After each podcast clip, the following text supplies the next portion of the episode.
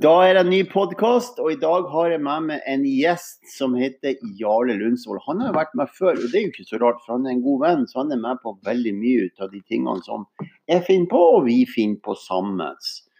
Um, jeg skal uh, la han få lov å introdu introdusere seg sjøl, som jeg alltid gjør på disse podkastene vi snakker. Og så skal jeg fortelle om hva temaet er etterpå.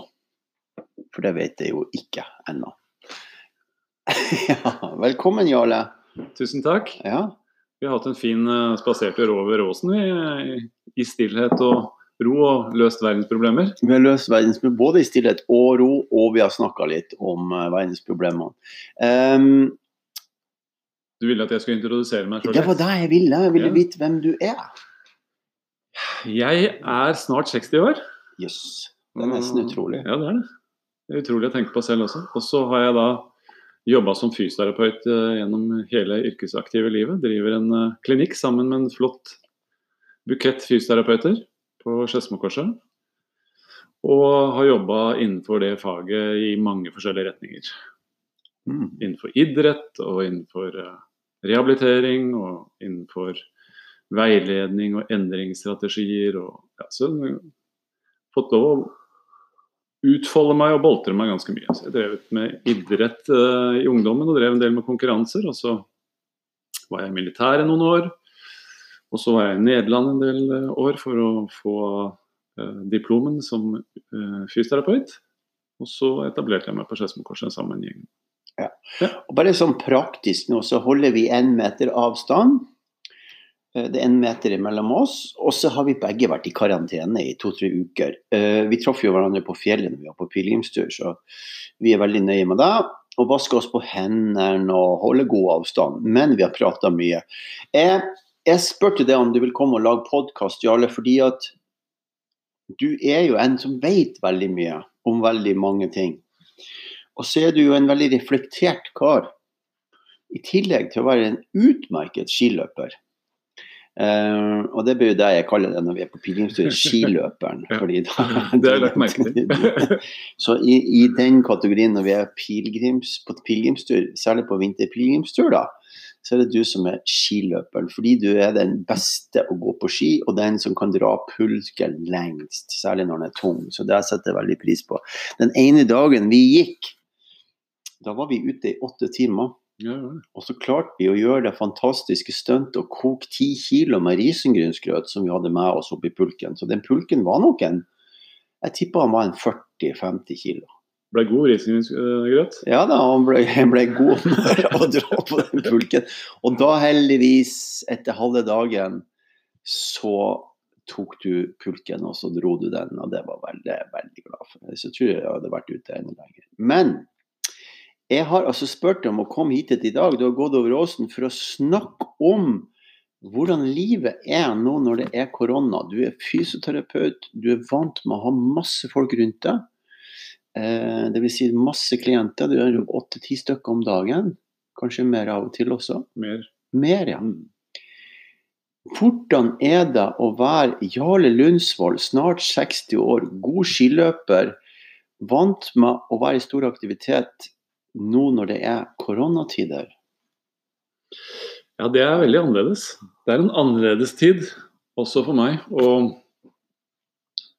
det eh, var litt sjokk å få eh, klinikken nedstengt.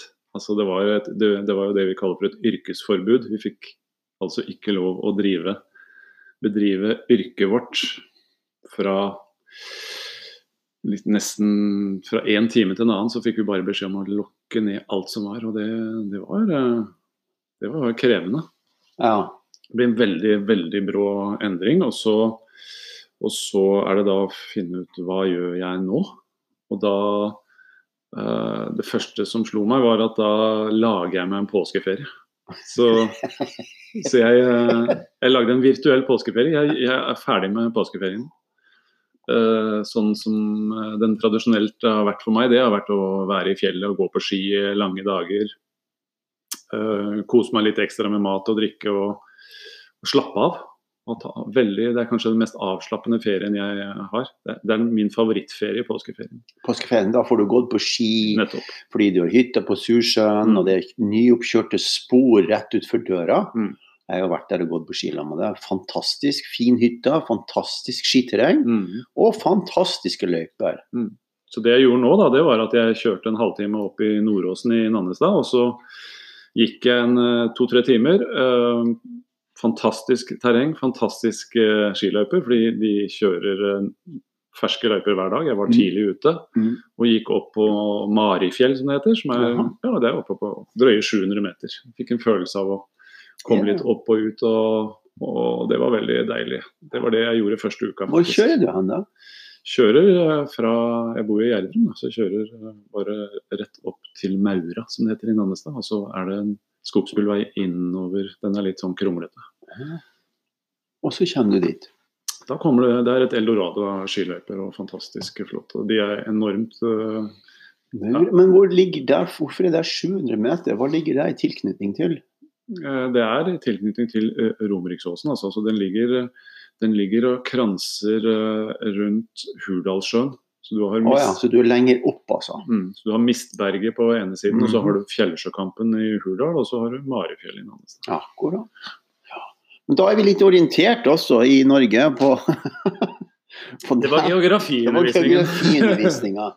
Er som, du, du, du vet jo mye og kan mye. Men du, hvordan, hvordan For når det, vi, vi gikk jo over åsen nå. Mm. Du skal jo løpe hjem. Vi, nå har vi vært ute i to timer begge to. Og god humør. Og, og så fikk vi snakke litt. Og du snakker om mønster. Ja. 60 år gammel snart. Mm. Og si at du har noen mønster som du har lagt merke til nå når det, ting har roa seg ned. Kan du si litt om det? Ja, det skal jeg gjøre. Det, det som slår hardest, og som jeg kjenner bare, bare jeg skal snakke om det, så kjenner jeg at jeg blir litt urolig, det er altså at jeg jeg innbiller meg, eller har innbilt meg, at jeg har kontroll på en del ting i livet mitt. Og som jeg tenker at det her går fint. OK, jeg noterer. Ja. Så, når da det blir en annerledes tid, og jeg har en, får en helt annen hverdag, helt annen uh, timeplan, Mhm. som er mye mer åpen, og hvor jeg har bestemt meg for å roe ned tempoet, sitte og lese, gjøre sånne sakte ting, så kjenner jeg altså at inni meg er det en, en trang til å dra opp tempoet uansett hva jeg gjør. Uansett hva jeg gjør. Ble du glad når jeg sendte mail og sa at du skulle komme hit? da? Ja, ja, ja. Tove som jeg er gift med, hun merka det med en gang. Jeg skal bare hente kaffe. Ja. Pass på. Og da, da, da var det altså sånn at jeg rett og slett var egentlig litt på vei over åsen allerede. Når jeg leste den mailen. Ja, så da Så du liker å være i farta. Ja. Men hva er mønsteret her? Vi bare skjenker litt kaffe. Altså, mønsteret er at jeg eh, Jeg vil få ting gjort. Og så vil jeg gjøre det med en gang hvor den, hvor den ideen eller tanken eller invitasjonen har kommet, så vil jeg at det skal skje med en gang. Det å, det å utsette det litt, eller vente, vente på det, det er veldig krevende for meg, fordi at da, da ligger det og gnager hele tiden. For, for, for vi ble jo enige om at, eh, at jeg skulle begynne å gå klokka tolv, og vi snakka sammen klokka ti. De to timene ble veldig eh, urolige for meg. Oh, ja. Fordi at jeg vil egentlig bare Men fordi begynne du skal snakke på podkast, eller fordi du skal noen ting? Fordi jeg skal noe. Ja, ikke sant? Så det er Mm. ikke podkasten som er greia. Nei. Det er at du skal ut. Ja. Treffe noen, gjøre noe annet. Ja. Bryte opp uh, daglige mønstre. Det, det liker jeg jo veldig godt. Ja. Så variasjon, altså det å få en variasjon, det er eh, utrolig Det er drivstoff for meg. altså. Har det noe med hvem du er som type, eller har det noe med at du tar imot 10-15 stykker hver dag, altså du hele tida tar imot folk? Du er avhengig av å snakke med folk. Mm, jeg tror ikke det er en avhengighet i det, men jeg liker det. Du liker det. Ja. Jeg liker å være sammen med mennesker. Jeg liker å Jeg liker å mm, Jeg liker å finne ut Oppdage, kjenne på hvem den personen egentlig er. Altså, hvem er det som er inni der? Når, de gangene jeg får kontakt med det, eller føler at det, liksom, det kommer ut, så kjenner jeg på det som en sånn enorm gave. Det, det, er, det, det er, faktisk noe av det beste jeg vet, når jeg, når jeg får et glimt av en annen person. Det, det mennesket som, som er uh, forkledd Bak masken. Nettopp. så bra! Du, eh, hvem er du bak masken? Hvis vi tar av hele forkledninga? Det er jo det er vanskelig å, å snakke om. Vanskelig å si noe om. Det er et jækla bra spørsmål. Jeg hadde egentlig håpa at det ikke kom. Mm -hmm, men nå kom det. Og så kjenner jeg at det første behovet er å snakke seg rundt det, og ikke svare på det. Og ikke svare på det. Mm, det er det første. Jeg skal bare sjekke om kameraet er for meg nå, for det her skal du ha med på kamera. Prate bort. Oi, oi, oi, dette blir bra. Mm. Så Nå er jeg spent. Nå er lytterne spent, tror jeg også. Ja. Vi er alle spente. Hvem er mannen bak masken?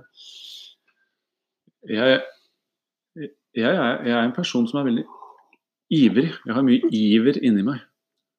Ja, er, jeg, kjenner, jeg, kjenner, at jeg blir fort ivrig og begeistra og, og, liker å være glad og at det er, ja, at det er liv. At det er liv og røre? Ja, liv og røre syns jeg er fantastisk. Ja. Uh, så jeg, jeg, jeg, føler at det er litt null og én noen ganger. At, uh, at, jeg kan bli Hvis det ikke er liv og røre, så kan jeg bli litt dau sild. Kaller det som dau sild. Da bare går jeg inn i en slags sånn kokong hvor jeg Jeg tror jeg lager en slags indre, et indre landskap som jeg, som jeg stuper inn i, og som jeg mm, har dialoger, og opplevelser, veldig mye visuelt. Så får, jeg, jeg dagdrømmer veldig mye. Altså. Jeg lager en, et eller annet altså, Som jeg kommer inn i en film, på en måte. Jeg vet ikke hvordan annerledes jeg forklarer det. det er du er i en film? Jeg er i en film. Spiller du i egen film? Ja. Og der er det sånn hvis jeg klarer å være veldig åpen på det og ikke styre det noe, for hvis det styrer det, så blir det på en måte litt borte.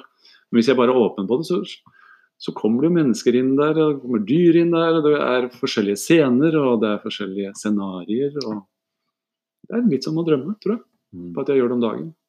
Jeg har gjort det siden jeg var liten. Siden du var liten? Dagdrøm? Mm, jeg kunne ha mareritt om dagen også. For da kan det komme noen skumle personer inn i filmen. Ser film. Mm um, Veldig spennende. Vi kommer tilbake, kjære lyttere, til, kjære lyttere, til dette her med hva uh, Kjære seere. Ja, kjære seere. Vi har ett kamera på, og så har vi den nye mikrofonen som er lyserødt. Og så sitter vi her i skogen, som er en, uh, en stille, rolig plass, i scenehuset. Jeg kaller det for scenehuset mitt. Og så har vi vært ute og gått, og så driver du og snakker om noen ting. Og nå lurer jeg på om jeg er på rett spor med spørsmålet mitt. Fordi eh, du sier at du du sier at du dagdrømmer, og så sier du at det er liksom noe som er bak den maska på hvem du er. Og så snakker du om at det har du gjort siden du var liten. Så da skal jeg stille spørsmål et, litt annerledes om hvem Jarle er. Mm vi, kom, vi, vi, kommer tilbake til dette her med, med koronatid, og, for det har jeg også på hjertet. Eh, hva slags support fikk du når du var liten, ut ifra hvem du er? Mm, og fikk, hva, hvilken support fikk du ikke? Forstår. Mm. Mm. Jeg fikk support av uh, moren min, som var veldig, veldig veldig glad i meg. Mm -hmm. Så, så, den morskjærligheten den kjente jeg veldig sterkt. Fordi jeg var veldig syk da jeg var veldig liten også. sånn at jeg, at jeg holdt på å, å, dø, da. Så hun var nok veldig sånn mm, Ja, hva skal jeg si? Var, jeg, jeg, tror hun var veldig beskyttende og omsorgsfull og nær. Det, og det var, veldig, det var veldig støttende.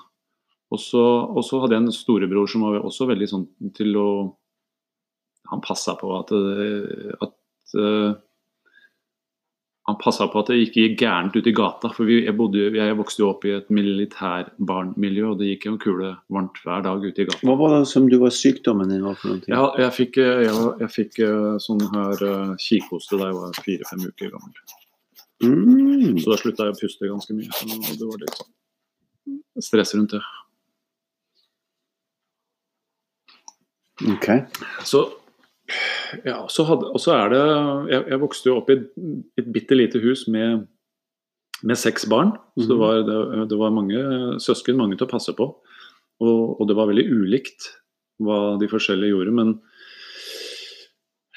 jeg følte at disse tre storesøstrene de, de var eh, mer oppdragende og, og hadde den biten. Um, de ble jo lærere alle tre også, så jeg fikk veldig mye sånn, sånn type eh, support. Så jeg lærte, å, jeg lærte jo å regne og skrive Ah, sånn, og lese og sånn før jeg var bitte liten. Ja.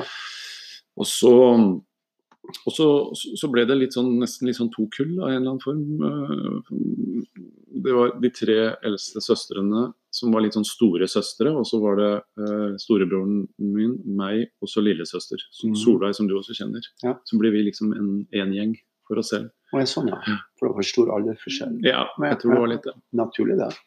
Så, så det, den supporten mm, Faren min var veldig streng, veldig sånn offisersmann, og, og forsøkte å eh, på en måte dressere meg. og Det var ikke så lett. for jeg var, jeg var Udresserbar. Ja, jeg er bortimot. Altså. Det er veldig mange mennesker opp igjennom som har prøvd å dressere meg.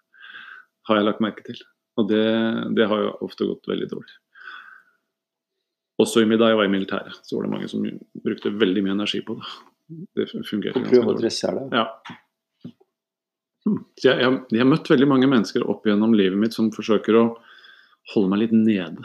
Storesøsteren min også ville liksom holde meg litt nede når jeg Akkurat som de var litt sånn Jeg vet ikke. At jeg tok, jeg tok av. Jeg ble for begeistra. Jeg opplever veldig ofte at når jeg blir begeistra, så syns folk jeg blir for mye. At du blir for mye. Ja.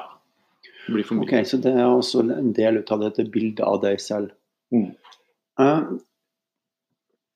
da tenker jeg at det kan være fint å ta, bare trekke seg tilbake, dagdrømme, gå inn i sin boble Ja. bakom maska. Ja, for da, da kan jeg på en måte være litt til stede og si ja og ha, men eh, jeg er egentlig ikke, jeg er ikke det. Du er en av de jeg har møtt i mitt liv som har den mest skjulte maska, i så fall. For jeg opplever ikke det som en som har en maske. Altså, jeg skjønner jo at man tenker sånn. Mm. Alle sammen har jo noe som er helt privat, helt eget, helt seg selv. Mm. Som bare er dem, og som bare de vet om, og som de verner om. Mm. Det har jeg alltid sagt og alltid trodd på, da.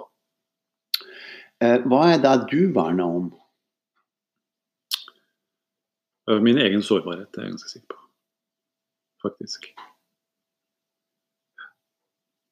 Ok. Sårbarhet, ja. Ja, jeg tror det. Altså. Hva, hva, si mer om det. Mm. Mm, Det er en del Jeg tror at jeg er mest meg selv når jeg kan få lov å utfolde meg og være begeistra og være fri og si det som bare faller meg inn uten filter. Da føler jeg meg mest levende, men jeg merker altså at noen ikke syns det er så stas. Og så blir jeg da på en måte stoppa eller holdt nede i det. Det synes jeg det er en veldig sårbar situasjon.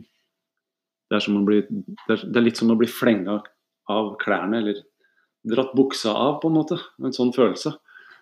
For å dekke over den skuffelsen eller den derre Å, nå sa jeg for mye, eller nå var jeg for mye, eller nå har jeg ødelagt stemningen her, eller atmosfæren her, eller Så beskytter jeg meg i den situasjonen. Så hvordan beskytter du deg? Da går jeg inn i den andre rollen. Maska? Ja, litt sånn. Litt død og uinteressert. Og, død og uinteressert, interessert, ja. Eller så jeg kan fysisk også forsvinne fra situasjonen. Jeg er ekspert på å forsvinne fra situasjonen uten at folk merker det.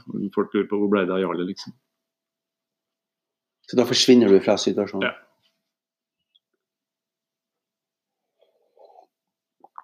Utrolig spennende. Jeg håper lytterne syns det er like spennende. I dag er det sånn, Jeg tror vi skal kalle denne podkasten for Ufiltrert. Jarle Lundsvold, ufiltrert. Det er kult, det her. Ja. Bli kjent med det på nytt, føler jeg. Ja, så fint. Men det, det, du har jo en sånn evne til å stille spørsmål på en sånn måte at det er, det er trygt å svare, da. Ja, det er fint. Hvis jeg hadde merka et eller annet ved deg, et, og det er jeg ganske god på faktisk, et eller annet på måten, posisjonen du er i, holdningen, ansiktsuttrykket, noen sånne uh, geberder, altså fakter, så hadde jeg, da hadde jeg bare mm, Da hadde jeg vært Skygga unna. Ja. Og maska. Ja. Kult det der med den maska, altså. Ufiltrert og uten maske. Du, eh, siden du sier at det er god å spille spørsmål, da tar jeg deg til etterretning og så stiller jeg et nytt spørsmål. Vi tar helikopterperspektiv, eller droneperspektiv. Det er jeg veldig glad for, fordi jeg har fått med drone. Og den er jeg stolt av. Jeg har ikke helt lært med den ennå, men det skal vi finne ut etter hvert. Den skal vi bruke senere, Jarle, når vi skal på tur, videre på turer. Det blir kult. Ja, det blir kult, for vi skal gjøre noen sånne uh, sinnssyke ekspedisjoner inn i bevissthetens verden. Uh, vi begynte jo på pilegrimsturen, og den måtte vi jo den måtte vi jo avbryte. Du skulle møte meg igjen på Oppdal. Vi måtte jo bare avlyse hele greia fordi at det var korona. Men vi får se hvordan vi gjør det videre. Så vi skal lære oss å filme sjøl. Mm. Det er viktig. Mm. Eh, det var droneperspektivet. Poenget med droneperspektivet det er at hvis du tar og flyr opp med droner, altså langt opp, langt, langt, langt opp, og så ser du på det sjøl eh, Og jeg tenker dette her er et viktig spørsmål i disse koronatider. Eh, spørsmålet er todelt. Det ene er hva gjør du med deg selv for å ta vare på deg selv når det er sånn som du er jo i en beredskapstropp, du kan dra på sykehus, du er fysioterapeut, du står på lister klar for å, å, å være med og hjelpe til hvis, det er, hvis dette utbruddet blir enda større. Men så tar vi altså droneperspektiv, og så ser vi på Jarle. Jarle ser på seg selv. Hva er det du bidrar med til andre, og hva er det du gjør med deg sjøl for å ta vare på deg sjøl i disse tider? Da begynner vi med deg sjøl først. Ja.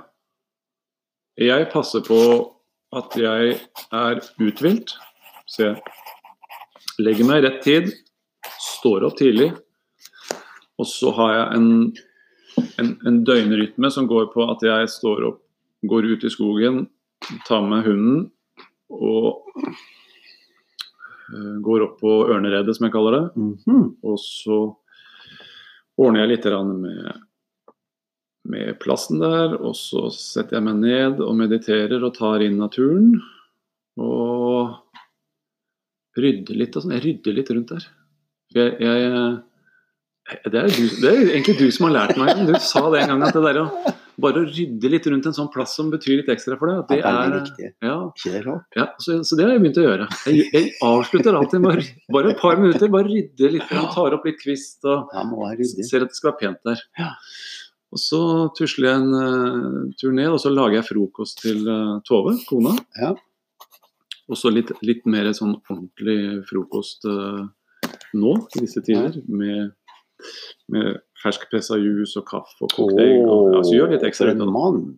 Ja, hun er veldig glad for det også. Det hjelper på. Hun Du viser at du elsker henne. Ja, ja. Du elsker henne? ja, absolutt. Wow. Så skryter hun av meg, og det hjelper jo veldig. Ja. Så Og gå og skryt. hun er veldig god. Hun er supergod. supergod. på skryt. Ja, ja, ja. Er det viktig for deg å bli skrytet på? Ja. Men det må være ekte. Det må være ekte. Ja. Ja, ja, ja. ja. Jeg merker med en gang hvis det er noen det? Ja, jeg merker det med en gang. Hvis det er noen som skryter av meg for å oppnå noe, eller for å på en måte gjøre det for å gjøre det, kjenner jeg med en gang, og det syns jeg ikke er noe særlig. Men jeg, jeg, jeg er høflig, så jeg oppfører meg høflig i forhold til det. Men sånn ektefølt, ektefølt skryt, det er hvis Det kjenner jeg, altså. Og det, Mm, da det blir er jeg riktig. Da blir jeg veldig Da blir jeg veldig blir jeg veldig, det blir jeg veldig rørt av. Cecilie, eksempel, som du kjenner, hun er, hun er veldig flink til å skryte av meg på en ekte måte. Ja. Det er akkurat som hun vet hva hun skal si. For at det virker. Cecilie er veldig god på det. Mm. Cecilie har fått kreft. Mm. Cecilie kommer til å bli bra. Mm. Vi sender en hilsen til Cecilie. Hei, Cecilie. Vi hilser til deg. Hør på denne podkasten. Så det er også en del av det jeg har bestemt meg for. Og det er med glede å ringe og snakke lenge i telefonen med Cecilie én gang per uke. Og kom med tilbakemelding, Cecilie.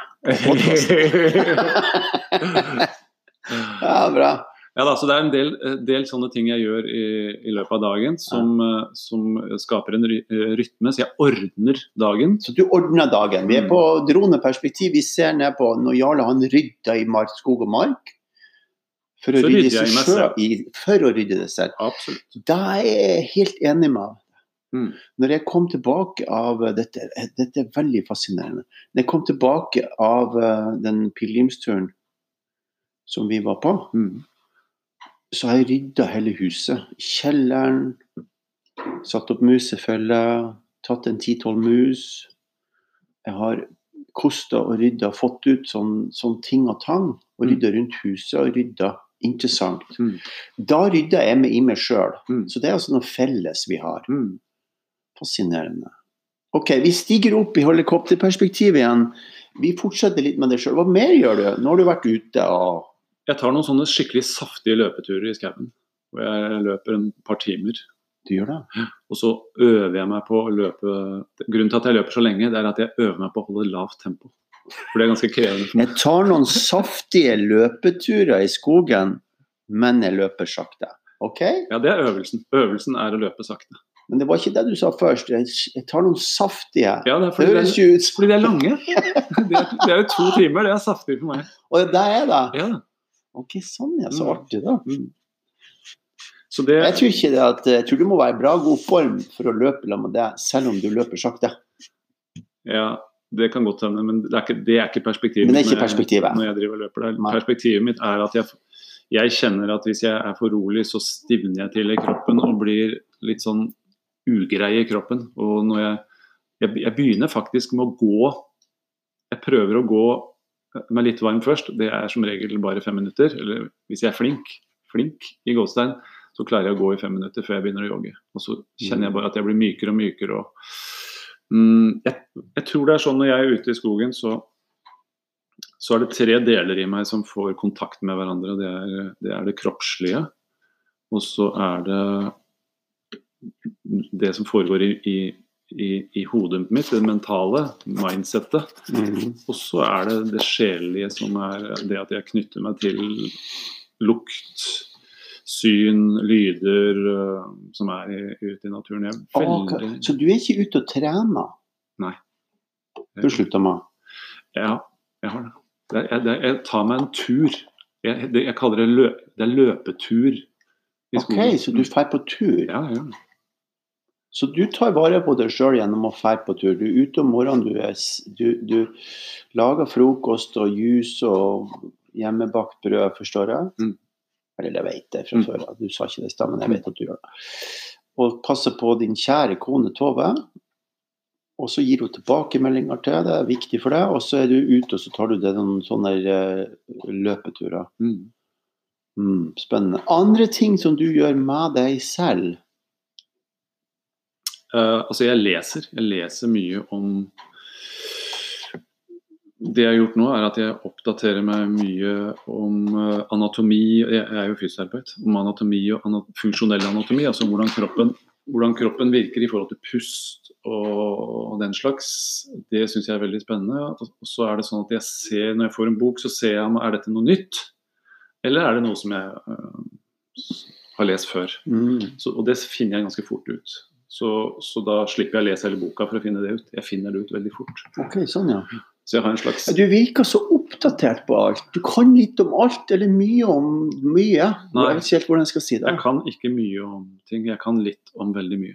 Du kan litt om veldig mye. Ja. Men jeg kan ikke mye om litt.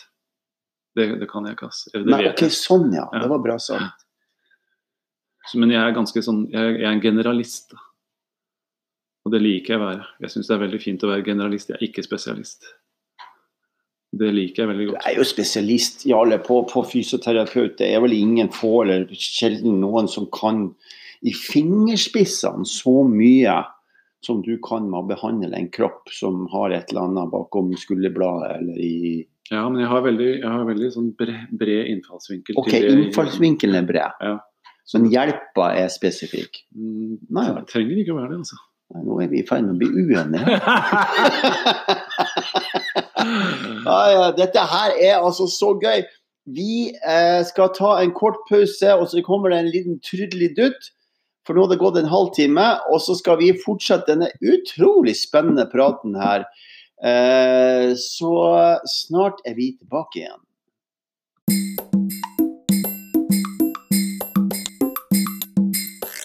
Ja, vi er tilbake igjen. Vi har prata litt grann, fordi vi har en film gående, så det blir et sånn lite pauseinnslag som man kan se senere. Uh, vi, vi, vi, tar opp tråden. Mm. Vi snakker om mønster. Mm.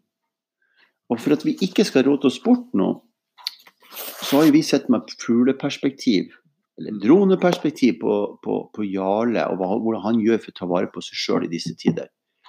Men så er vi inne på mønster før vi kommer på andre. Mm. Og da er jeg opptatt av du, du, sa noe om mønster. Vil du si noe mer om det? Ja, det er sånn at når jeg er i hverdagen, travel hverdag, jobber, eh, pasienter, det er en sånn schedule, en timeplan, så tror jeg det er en masse mønster jeg ikke oppdager eller erfarer i meg selv. Fordi det går såpass fort unna. Det er en ganske det er hektisk hverdag. Mm. Interesting. Sånn at jeg, når denne annerledestiden kom med dette viruset, mm. så gikk jeg ned mange, mange, mange, mange gir og hakk på min hverdagsrytme. Så jeg fikk virkelig uh, liksom roa ned turtallet. Da kommer de opp. Da fikk jeg virkelig uh, håndhilse på mange mønster. De kom, de kom som gjester uh, når jeg minst venta det. Og jeg ble altså ganske sånn tatt av det. Pluss at uh, jeg ble jeg kunne bli irritert på det. Og så kunne jeg bli sånn at jeg agerte på det med en gang. Og så etter hvert så lærte jeg meg å pause det litt. Liksom, hva skjer nå, Jarle? Altså en indre dialog. Hva, hva, skjer nå? Nå er det et eller annet som skjer her. Og så prøvde jeg å få tak i det. Og så litt sånn, litt sånn analysering av nå, nå, nå, skjønner jeg at jeg holder på med noe som ikke er så veldig smart, men jeg er ikke helt sikker på hva det er ennå.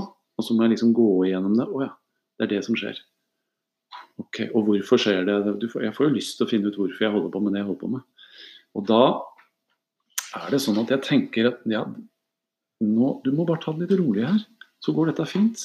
Gjør én ting av gangen. Uh, ikke noe hastverk. Nå driver du og presser juice, da er det det du skal gjøre. Kaffen den holder på der, den, den ordner seg liksom. Noen ganger så har jeg lyst til å liksom trakte kaffe, eh, koke egg og skjære opp brød og presse juice samtidig. Jeg har lyst til å gjøre alt på samme tid. På en gang. Ja.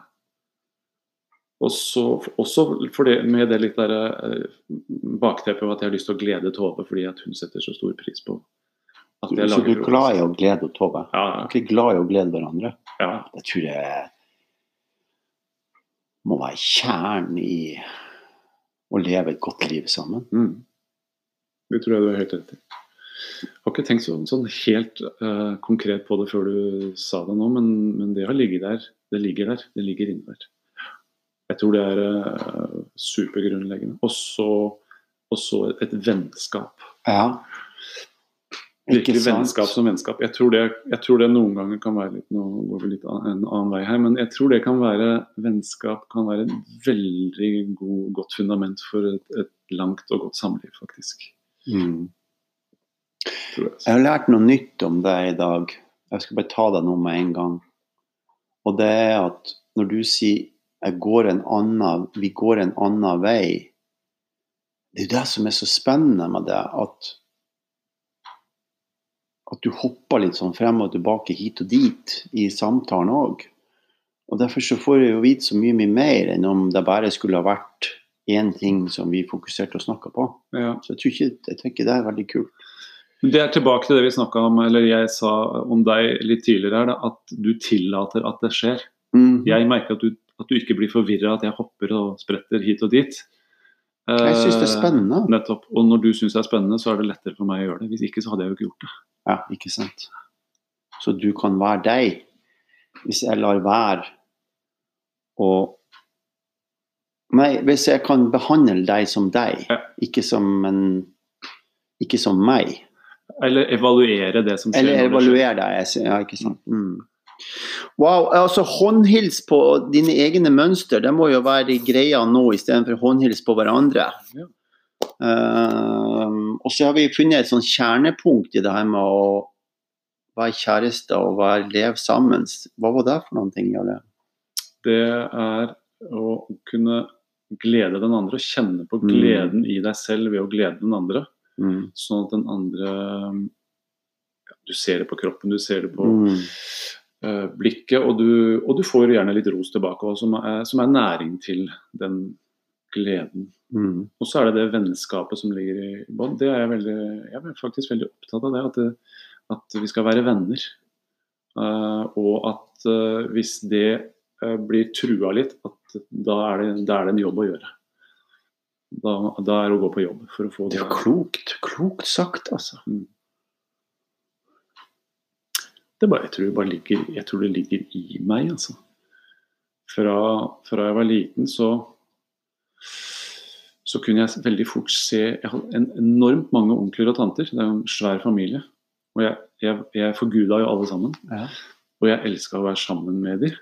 Og jeg hang jo over ja, du vet uh, søsknene mine, jeg hang jo over onklene mine og var med dem så mye som mulig. Og jeg ble med dem hjem med onkler og tanter osv.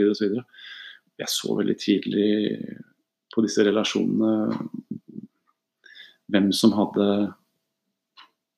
behagelig relasjon i ekteskapet i forhold til hverandre. Mm. I den forstand at jeg kjente i kroppen Mm. at her er det godt å være. og Mm. og det, det er behagelig å være rundt den onkelen og den Mm. tanta mens de er sammen. Og jeg kunne bare nyte av det. Mens andre steder så ble jeg fryktelig urolig og jeg, husker jeg sa det til faren min en gang eh, mm, når vi var på besøk en helg hos Mm. en onkel. Jeg ble helt ødelagt av det. altså. Jeg sov ikke om natta. Interessant. Altså, men det er derfor du blir så forbanna på meg når jeg trekker meg unna. Altså, når jeg går inn i mine mønster. Jeg, jeg, vi er jo kjent hverandre i mange år nå. Av og til så gjør jo jeg mine rare ting. Så trekker jeg meg unna. Ja, for jeg kjenner det i kroppen. Og da kjenner du deg. Jeg kan Og da blir du forstyrra av det. Mm, Jeg kjenner deg så godt at når vi ikke har truffet hverandre på en stund, og jeg ser deg, så går det ti sekunder maks før jeg skjønner hva som kommer til å skje. Ok. Da vet jeg allerede at shit, nå kommer en sånn byge. Ja. Og da mm, er jo det guffent. Det er vondt. Jeg kjenner Ja, for da er ikke, da er ikke vi er ikke i kontakt med hverandre da. Nettopp. Nettopp. Og det legger du veldig godt merke til. Det kjenner jeg med. Det kjenner du med en gang. Mm. Det går fort. Og da det er forstyrrende for deg. Forstår jeg. Veldig forstyrrende. Ja, det er da går jeg på, går jeg på jobb, da. på. Ja, men det er jo mønster, ikke sant. Nå bare snakke om bare kom inn på det, at jeg bare oppdaga at det er et mønster i meg som ikke er bra for deg. Ja, akkurat den biten er ikke bra for meg. ja, ikke sant? Så, så vi har også mønster som vi driver på med, eller unoter som vi drar på med, ikke sant? som er veldig negativt for andre. Ja. ja. For vi var inne på dette her med andre. Jeg liker veldig godt det her. det Du, nå er vi, vi snakker om droneperspektiv på det. Jeg har lyst til å avslutte denne fantastiske podkasten om mm, Hva er det du gjør for andre? Vet du da hva du gjør for andre? Jeg, eh, på en eller annen måte så får jeg de jeg i hvert fall har en langvarig relasjon til, Mhm. eller også sånn yrkesmessig da, med pasienter, så får jeg de til å komme tilbake til seg selv og bli seg selv.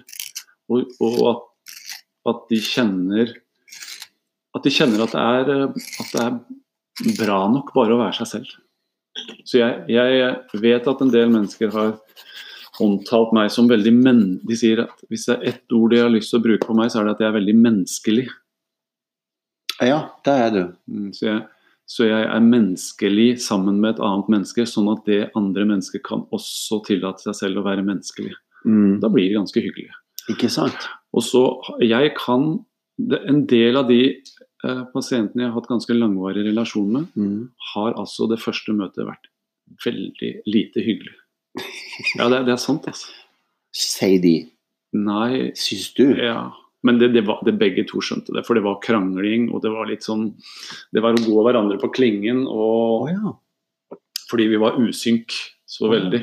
Og, så, og da må jeg jeg må, jeg må finne det, det, Dette er da når det kommer en pasient for første gang. ikke sant? Ja. Så, så må jeg finne ut om er vi er, er vi kompatible i forhold til å kunne jobbe sammen, eller er vi ikke det. Og da, da ligger det en del sånne grunnpilarer i bånn der. Det, det, er, det at det må opprettes et tillitsforhold, og det må opprettes et forhold som, som bygger på gjensidig respekt. Det er de to viktigste tingene. Og hvis det blir måte, eh, hvis det river og sliter litt i de to begrepene, så må vi gå noen runder. Da. Og det kan være veldig ubehagelig. Og det tror jeg er litt sånn Det handler litt også som, som egojustering. Så det er egoet mitt som begynner å hakke litt på ego til pasienten, eh, og, og motsatt. Og så må vi justere det, og når det er justert, og de, vi kan ta ned garden begge to, da begynner jobben. Men før det så er det egentlig en slags en slags sånn uh, form for boksekamp, eller kall det hva du vil. Mm. Verbal boksekamp.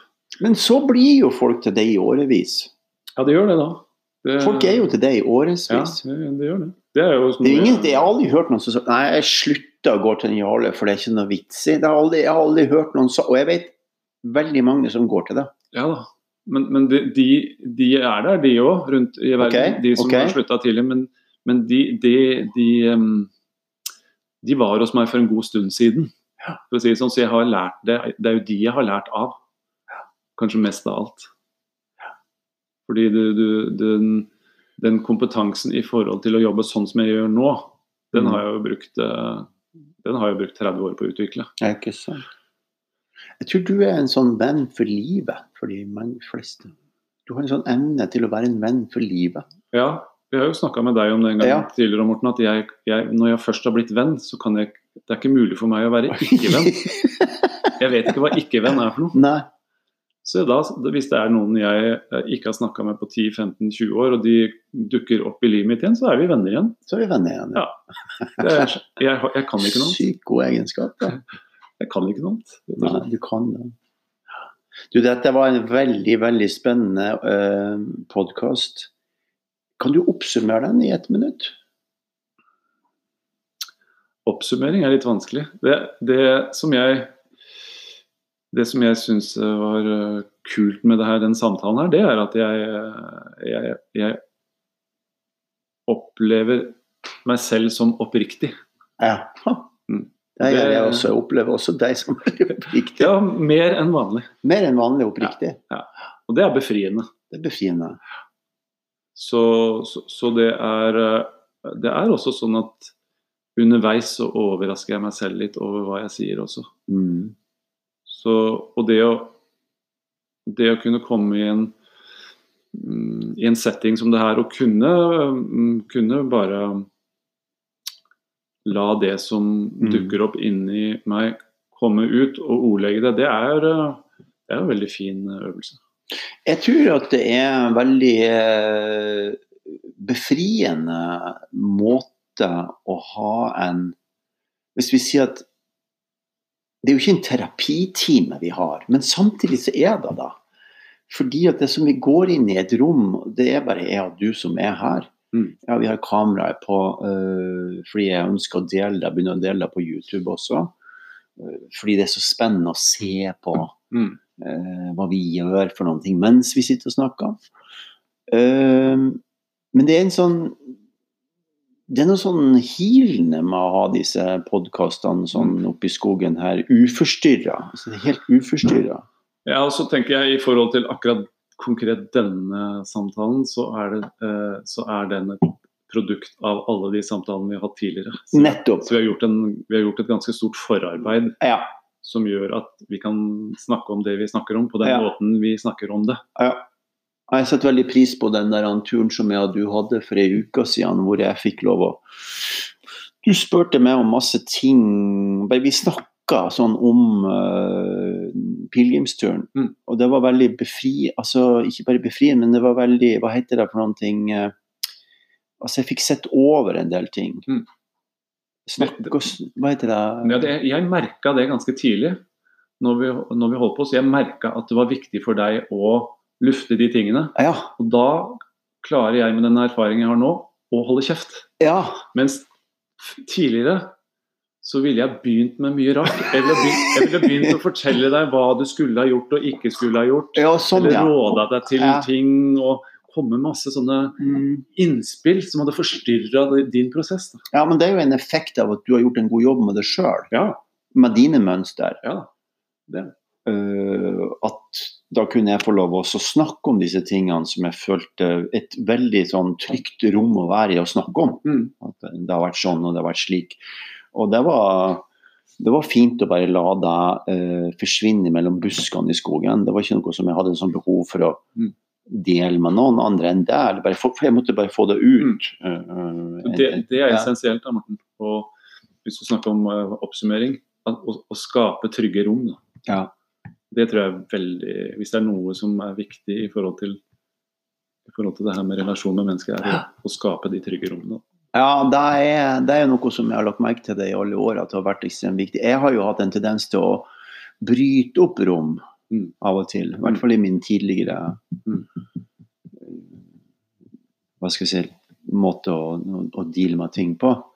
Vært litt sånn tatt tak i ting for, nettopp for å bryte opp. Og det har vært litt sånn Hva skal jeg si for noen ting? Uh, litt mye av og til, da. Ja, det er i hvert fall krevende hvis du, hvis du bruker en viss tid på å skape det trygge rommet, Ja, og så plutselig bryter det opp.